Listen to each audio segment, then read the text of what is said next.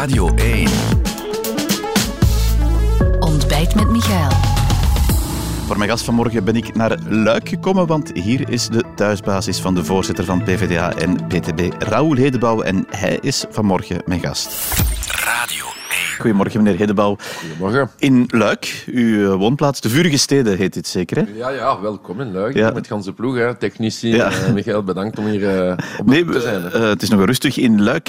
Ja, de, de omgeving rond Luik, denk ik, een, een rode bastions altijd geweest. Luik Centrum iets minder. Hoe groot is, is uw partij hier eigenlijk? Ja, we zijn hier rond de, de 15 à 20 procent in de meeste gemeenten hier rond. Dus ook met Antwerpen, een van de twee steden waar wij eigenlijk ons, ons kracht nog geconcentreerd hebben om een eerste doorbraak te hebben van de PvdA in 2012. En ja, Luik is daar natuurlijk een, eh, een goede stad voor, want uh, arbeidersstad, cultuurstad, ook veel bezig met de progressieve cultuur. eh. Ja. En dus ja, dat is eh, geen toeval. Nee, eh, groot, maar ja, u bestuurt niet mee, zoals nergens in eh, Wallonië, op een paar eh, plekken in Vlaanderen uitzonderlijk wel. Is dat de ambitie voor 2024, in, in die steden eh, proberen mee te besturen? Ja, dat is evident dat dat voor ons echt strategisch is, want het ligt natuurlijk moeilijker op federaal en regionaal eh, met andere partijen. Maar op eh, gemeentelijk vlak zien we wel dat we kunnen doorbreken. Ook gezien in, in, in Vlaanderen met de Vooruit in Zelzaten. eh, als het op lokaal vlak goed klikt, dan kun je iets verwezenlijken. En naar welke partners kijkt u? U zegt dus- vooruit, dat de Ja, PS, is dat uw Het is geen scoop natuurlijk dat met liberalen moeilijk gaat zijn. het is met de PvdA. Maar eh, natuurlijk met eh, ja, Groen Vooruit in Vlaanderen en, en PS en Ecolo in uh, België zijn eigenlijk de meest ja, progressieve partijen. Maar het blijft wel moeilijk. Een, een PS is een heel, heel arrogante partij. Wat is uw relatie met de PS? Ja, ik ga er nu geen, geen niet, niet, niet rond de pot draaien. Een relatief moeilijke eh, relatie. Is, is eh. er überhaupt een relatie? Ja, op het parlement eh, werken wij samen. Rond bepaalde punten is er contact. Ik, dat, dat, dat is licht probleem niet. Maar je voelt wel dat de PS het gewoon is geweest van 30, 40 jaar lang een monopolie van de macht hebben. En zeker op de linkervleugel. En dat voor de eerste keer sinds 30, 40 jaar er echt een alternatief is aan de linkse kant van de PS en van vooruit. En Want inhoudelijk, wa- waarvan verschilt u van de PS? Of, of is dat redelijk gelijklopend? Nee, de PS is een partij die veel eh, meegegaan is met eh, het liberaal verhaaltje. De privatisering van de overheidsdiensten, dat nu bijvoorbeeld de openbare banken, ASLK, gemeentekrediet... Dat is wel al van lang geleden wat ja, over begint. heeft hè? dat geprivatiseerd? Ja, maar dat is het twintig- jacht meer op dan 30 jaar werklozen. Het jacht op werklozen, wat vandaag gebeurt, gebeurt bijna meer in Wallonië dan in Vlaanderen. Hè, terwijl het Wallonië zogezegd links eh, bestuur zou zijn. Liberalisering van de energiesector, heel actueel vandaag. Hè. Wat doet vandaag dat grote monopolies gewoon alles voor het zeggen hebben, NG, Electrabel en zo. Wie heeft dan meegestemd? Ja, eh, de PS, Vooruit, Groen, Ecolo. Ze hebben allemaal meegestemd. Dus die traditionele partijen gaan mee met dat rechtsverhaal. En dat is volgens mij het probleem. En dat is natuurlijk het debat tussen PvdA en die partij. Om te zeggen, nee, laat ons terug duidelijk een linkse taal naar voren brengen. Nochtans is de indruk in de wedstraat, en zeker in Vlaanderen ook, meneer Hedebouw, dat net uw partij die PS eh, mee naar eh, uw radicale hoek ter linkerzijde trekt. Ja, maar dat denk ik wel dat effectief dat er een effect is de laatste eh, vijf, zes jaar. Dat wij natuurlijk gans het politieke landschap naar links duwen. Ja, In, Wallonië. Ja, in Wallonië, maar, nee, maar als ik vandaag dat vooruit eh, terug moet hebben over de werkende klasse, gevoeld dat die hete aan, maar zelfs Joachim Koens over de rijke tax moet beginnen eh, en over power to the people, ja, het heeft hem niet veel succes eh, toegebracht, maar ik wil zeggen, dan voelt je wel dat wij met PvdA gans het politieke landschap naar links brengen. Ja, de nuance is natuurlijk dat in, in Vlaanderen de twee partijen die daar het grootst zijn, ter rechterzijde zijn. Want u zegt, ja, ik wil mee besturen, vooral lokaal, ook federaal. Ja, federaal is zeker eh, een objectief, maar ik ga niet rond de pot draaien dat het een moeilijk vraagstuk gaat zijn. De laatste eh, onderhandelingen zijn we zelfs niet uitgenodigd geweest. En je voelt vooral dat de breekpunten van de PvdA, pak nu bijvoorbeeld het terugbrengen van de pensioenleeftijd op 65 jaar, pak nu bijvoorbeeld eh, het stopzetten van het jacht op de langdurige zieken, dat meneer Van den Broeke deze week uit de pakjes heeft gehaald. Hè. Dus, ja, die langdurige zieken oppesten en zo, dat kan toch een minister van de PvdA niet, niet, niet aan meedoen. Dus ik, ga, ik wil daar niet eh, eh, twijfelen aan het feit dat het moeilijk gaat zijn. Dat zijn nu, wat u hebt hier al gezegd, dat zijn breekpunten, die pensioenleeftijd op voor mij- 65. Ja, en, en, en, en natuurlijk de blokkering van de prijzen van de naften en diesel. Als wij 1,4 euro zeggen, dan hebben wij dat niet gewoon uitgevonden vanuit het nergen. Het is het gemiddelde van de laatste vijf jaar van de prijzen. 1,4 euro is het maximum dat het, de werkende klasse in Vlaanderen en in Wallonië en in Brussel kan betalen. Het is, wordt gewoon onbetaalbaar. En als wij moeten meedoen met een, regering waar al die maatregelen niet toegepast worden, dan gaan de mensen ons zeggen, ja maar Raoul, voor wat dient het om voor de PvdA te stemmen? U kan natuurlijk ook eerlijk zeggen, zijn en zeggen van ja, dat zijn de nagels waar u altijd op klopt, hè. Die, die pensioenleeftijd, uh, die langdurig zieken, andere dingen. Ja, het kost sloten geld. Het is een zak. Het lijkt wel of u Sinterklaas bent. Nee, nee, want uh, er is veel geld in België. We zijn een van de, de rijkste landen in de wereld. Het begrotingstekort is, is even groot, of na Roemenië het grootste ja, in heel dus Europa. Gaat, nee, ik, ga, ik heb globaal over de rijkdom in België. We hebben meer en meer mensen die rijk zijn. Ik zeggen, tussen ja, maar daarmee is de overheid niet. Nee, en daarom stel ik voor dat we het geld gaan halen bij die die kunnen betalen. We hebben een rijke tax, ons tax staat op tafel. Een deftige, stevige wetsvoorstel. Maar zijn er eh, in, in ons land zijn er gigantisch veel belastingen, ook op arbeid. Uh, is dat niet voldoende? Ja, maar dat is het probleem. Ja, is dat in uh, ons land arbeid veel belast wordt. Ja, dus ik zeg altijd dat België een belastingsparadijs is voor de rijken en een belastingshel voor de arbeidende bedienden. En dat is altijd hetzelfde. Dus om bij de werkende klasse geld te gaan halen met BTW of met belastingen en zo is geen probleem. Maar vanaf dat er discussie is over bij de rijken te gaan halen, dan is het taboe hier in België. Er is ook een vennootschapsbelasting die behoorlijk hoog was. Ja, ja maar, is. vennootschapsbelastingen voor grote bedrijven die niet hoog ligt en voor de KMO'tjes die volop pot betalen. Hè. Dus die twee maten, twee wicht op fiscaal vlak, ben dat beu. Ik ben dat beu. En ik heb een, we hebben een fiscaal project goed uitgebouwd. Wat ik spijtig vind, is dat ons uh, rijke tax, ons miljonair tax, we hebben dat willen voorleggen aan het planbureau voor een berekening ervan te maken. Het lijkt me logisch dat onze maatregelen berekend worden, ook om een kritische stem te horen. En het planbureau wil het niet berekenen. Tax, waarom? Om daar het even over, over te hebben, meneer Hedebal. Wie is rijk volgens u, volgens PVDA? Ik denk dat iedereen die boven de 2 miljoen euro, uh, dus te zeggen 2 à 3 procent van de bevolking, voor mij zijn dat de rijken. En dus niet de middenklasse. Want mijn probleem is in België, elke keer dat men spreekt over de rijken doen betalen, is het eigenlijk de middenklasse die betaalt. Wij hebben een belasting op tafel, doordat de definitie ervan is niet de middenklasse raken, maar de 2 procent dus rijkste. vanaf 2 miljoen euro bezit of verdien? Want over wat gaat het? Nee, het gaat over vermogens ook.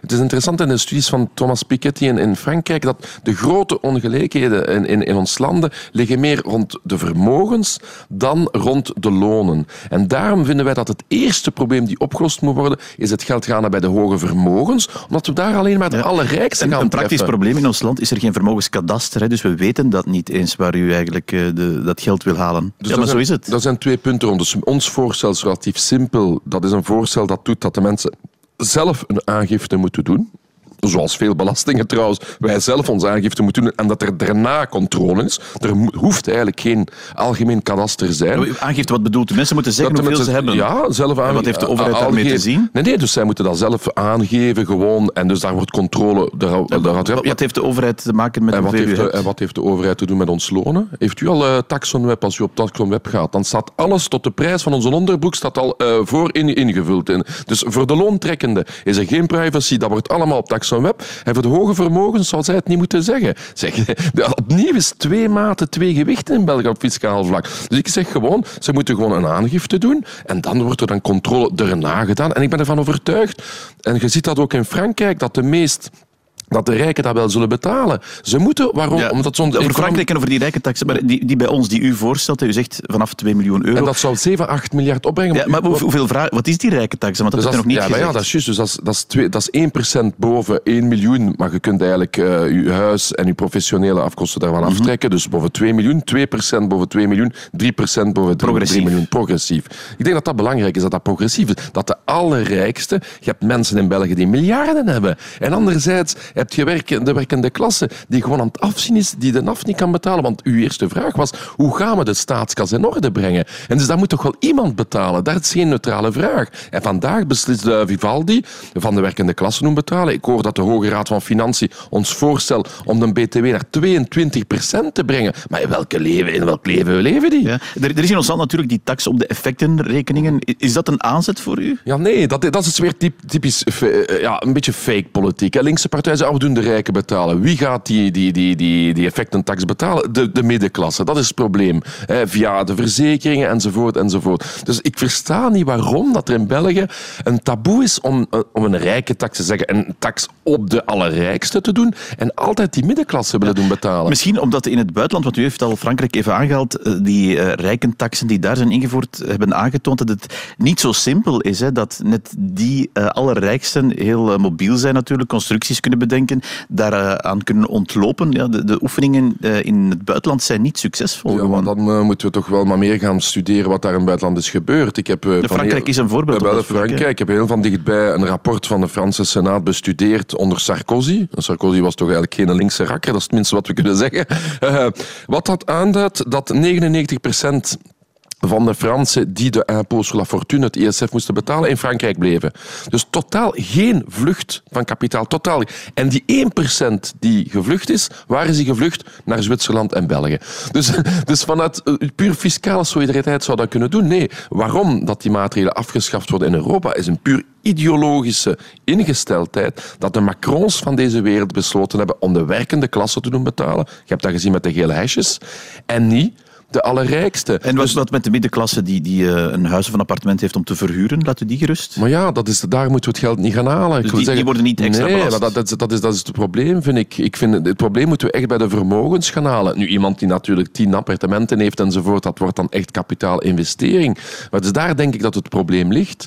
En, en, en ik vind dat dat ook fiscaal rechtvaardig is van het geld te gaan halen bij de rijksten, want we hebben sociale middelen nodig om onze politiek toe te passen. Ja, u hebt hier naar Frankrijk verwezen. De ogen zijn daar na de presidentsverkiezingen nu gericht op die parlementsverkiezingen.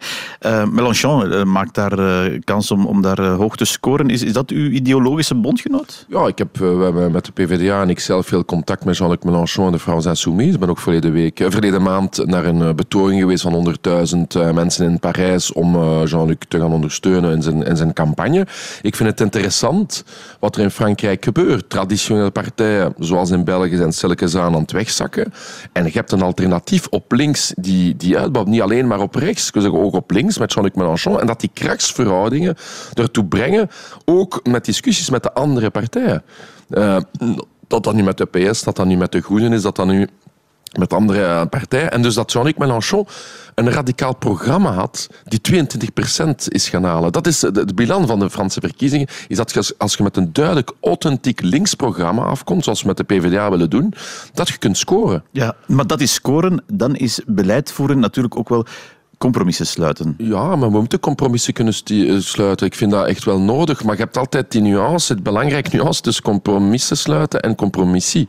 In die zin, in Belgische politiek kennen wij wat dat, wil zeggen. Die onderhandelingen toen vooruit naar de verkiezingen in 2019 hadden ze gezegd, we hebben twee breukpunten.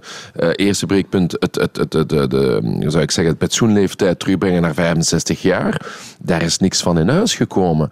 Uh, dus dus zo, zo, dat is een beetje mijn probleem. Je gaat naar de verkiezingen met breekpunten breekpunten, maar eigenlijk zijn het geen breekpunten. Ik wil echt een linkse politiek kunnen voeren. In, in, in, Wat is uw ambitie voor 2024 eigenlijk? Ja, ik ga daar geen cijfers op plakken, maar ik denk dat we grote ambities hebben in Vlaanderen. Ik heb altijd gezegd dat natuurlijk uh, een links discours zoals de PvdA slaat uh, aan in Wallonië, maar zeker ook in Vlaanderen. En dat voelen we ook in de peilingen en op het terrein de laatste maanden. Onze afdelingen groeien meer en meer. Meer en meer mensen worden lid. Uh, we krijgen meer en meer berichten binnen van ja. ja laat ons terug een linkse stem horen. U zegt, ik plak er geen cijfer gaat het over dubbele cijfers? Meer dan 10%? Is dat uw ambitie? Ja, zeker. Ja. Ik denk dat, dat in Vlaanderen kunnen we zeker naar meer dan 10% gaan. Dat, eh, dat, dat voel ik wel. Maar de vraag is ook natuurlijk welke symbiose we kunnen uitbouwen met de sociale beweging. Eh, er is een link tussen de sociale beweging, ehm, betogingen nu van de vakbonden om de loonnorm te doen springen en de lonen te doen stijgen, krijgen onze steun. Het is alleen maar die witte woede ehm, eh, fonds dat we zijn gaan winnen met de WVDA, want vanuit de oppositie kun je overwinningen hebben, die zijn we gaan halen omdat de witte woede sector actief was in de straten in Brussel, in Wallonië en in Vlaanderen. Dus die dialectiek tussen buiten het parlement sociale mobilisatie en binnen het parlement, dat is iets uniek aan wat de PvdA aan werken is. Over het parlement gesproken, meneer Hedebouw, en daar wil ik toch nog even ook een vraag over stellen. Deze week was er een motie in het uh, federaal parlement dat China met de vinger wees voor wat ze in Hongkong allemaal aan het doen is. Uw partij heeft daar niet, als enige niet mee meegestemd. Ja, Waarom wij onthouden ons rond die resoluties rond Rusland en China, ja. uh, omdat wij het niet mee willen doen met een duidelijke uh, koude oorlog die bezig is. Hè. Dus die twee maanden, dus we hebben duidelijke veroordelingen hebben gehad hè, rond de Oeigoeren en rond uh, wat er gebeurt. Ja, maar waarom, waarom stemt u zoiets niet mee dat toch redelijk fundamenteel is? Omdat voor het moment wij naar een wereld gaan die naar een derde wereldoorlog gaat. Dat uh, voor de eerste keer sinds de Tweede Wereldoorlog heb je de zwaartekracht van onze economie die niet meer bij de Verenigde Staten zit en die naar Azië toe gaat. En wanneer grootmachten een economische macht aan het verliezen zijn, is er gevaar nog een derde wereldoorlog. Ik heb een probleem met het feit in het, in het federaal parlement dat wanneer het rond China en Rusland gaat, volle bak resoluties, bak stemmingen.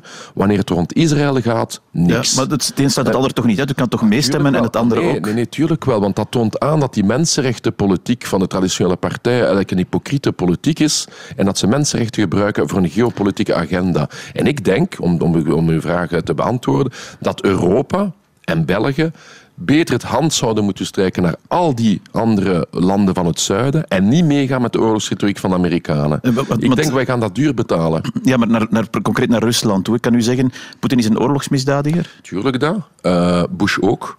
Hè? Ja, maar de vraag was over Poetin in Nee, nee, deze. maar dat is heel belangrijk. Tuurlijk, Ja, waarom zegt u dat nu, Bush? Waarom? Omdat als men zegt dat we Poetin voor het internationaal rechtshof willen brengen, oké, geen probleem voor mij, ik steun dat. Maar waarom George Bush... Maar u, die spreekt nu iets over 25 Ah, jaar geleden nee, nee, en nu gaat het over de oorlog in Oekraïne. Gelijk Bouw? over Afghanistan? Ik kan over Afghanistan. Het taboe in België om te spreken rond de 1,5 miljoen Irakezen die dood zijn door de Amerikaanse bommen. En- Maar u gaat het akkoord met dat vandaag Oekraïne wel op de agenda staat. En, en waarom Jemen niet? Waarom is voor u de agenda in Jemen niet? Ah, Saudi-Arabië heeft daar 400.000 mensen gedood vandaag. Waarom wordt daar nooit over de radio over gesproken? Dat is toch een interessante vraag. Ja, dat doen we wel, hebben we wel gedaan. Die sancties tegen Rusland, wat vindt u daarvan? Ik vind als die gericht zijn naar de oligarchen, ben ik ervoor. Als het gaat om petroleum en gas, ben ik hier niet voor. Want Die olieboycott vindt u niet Nee, goed? wie gaat er daarvoor betalen? De werkende klassen in België. Ja, maar dat is We wel wat Rusland en die oorlogsmachine financiert. hè? Ja, en Saudi-Arabië olie kopen is beter, of wat?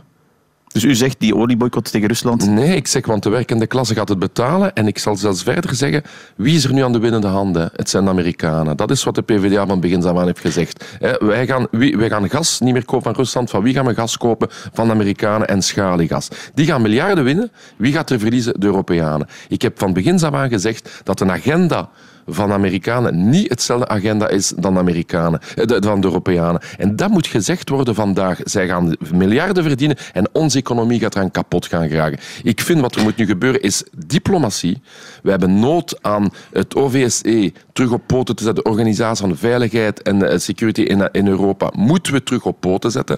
We gaan er ook helpen vanuit de parlementaire fractie. Er is een groot Ja. momentum begin juli daarvoor. Wij moeten helpen voor te onderhandelen. Anders gaan we naar de derde wereldoorlog. En daar ben ik bang om. Als, eh, we- als wereldmachten in eh, oorlog met elkaar geraken, dan zijn we echt wel vertrokken voor jaren van ellende. En dat mag niet gebeuren. Maar u veroordeelt Rusland, dat is vooral... Natuurlijk, dat we hebben dat ook van begin af aan gezegd. Iedereen die het parlement meegevolgd heeft, wij veroordelen totaal. Waarom? Omdat de visie van Poetin is een grand Rus nationalisme die gewoon de, de Hebt u ideologische banden met, met Poetin en zijn partij? Nou, helemaal niet. Hè. Ik wil zeggen, eh, de PVD heeft nooit banden gehad met Rusland. Dat moet je eerder bij extreem rechts gaan kijken. Eh, Extreem links heeft, heeft dat en ook wel gehad, uw ja, voorgangers. dus, eh, wat misschien 30, 40 jaar geleden, maar eh, PvdA was eerder met, met, met Peking toen bezig in de mei 68-beweging en zo. Dus helemaal niet met, eh, met, met, met eh, Rusland. Mhm. Het is daar kapitalisme. Hè. Het is daar eh, wild kapitalisme in, in Rusland. Hè.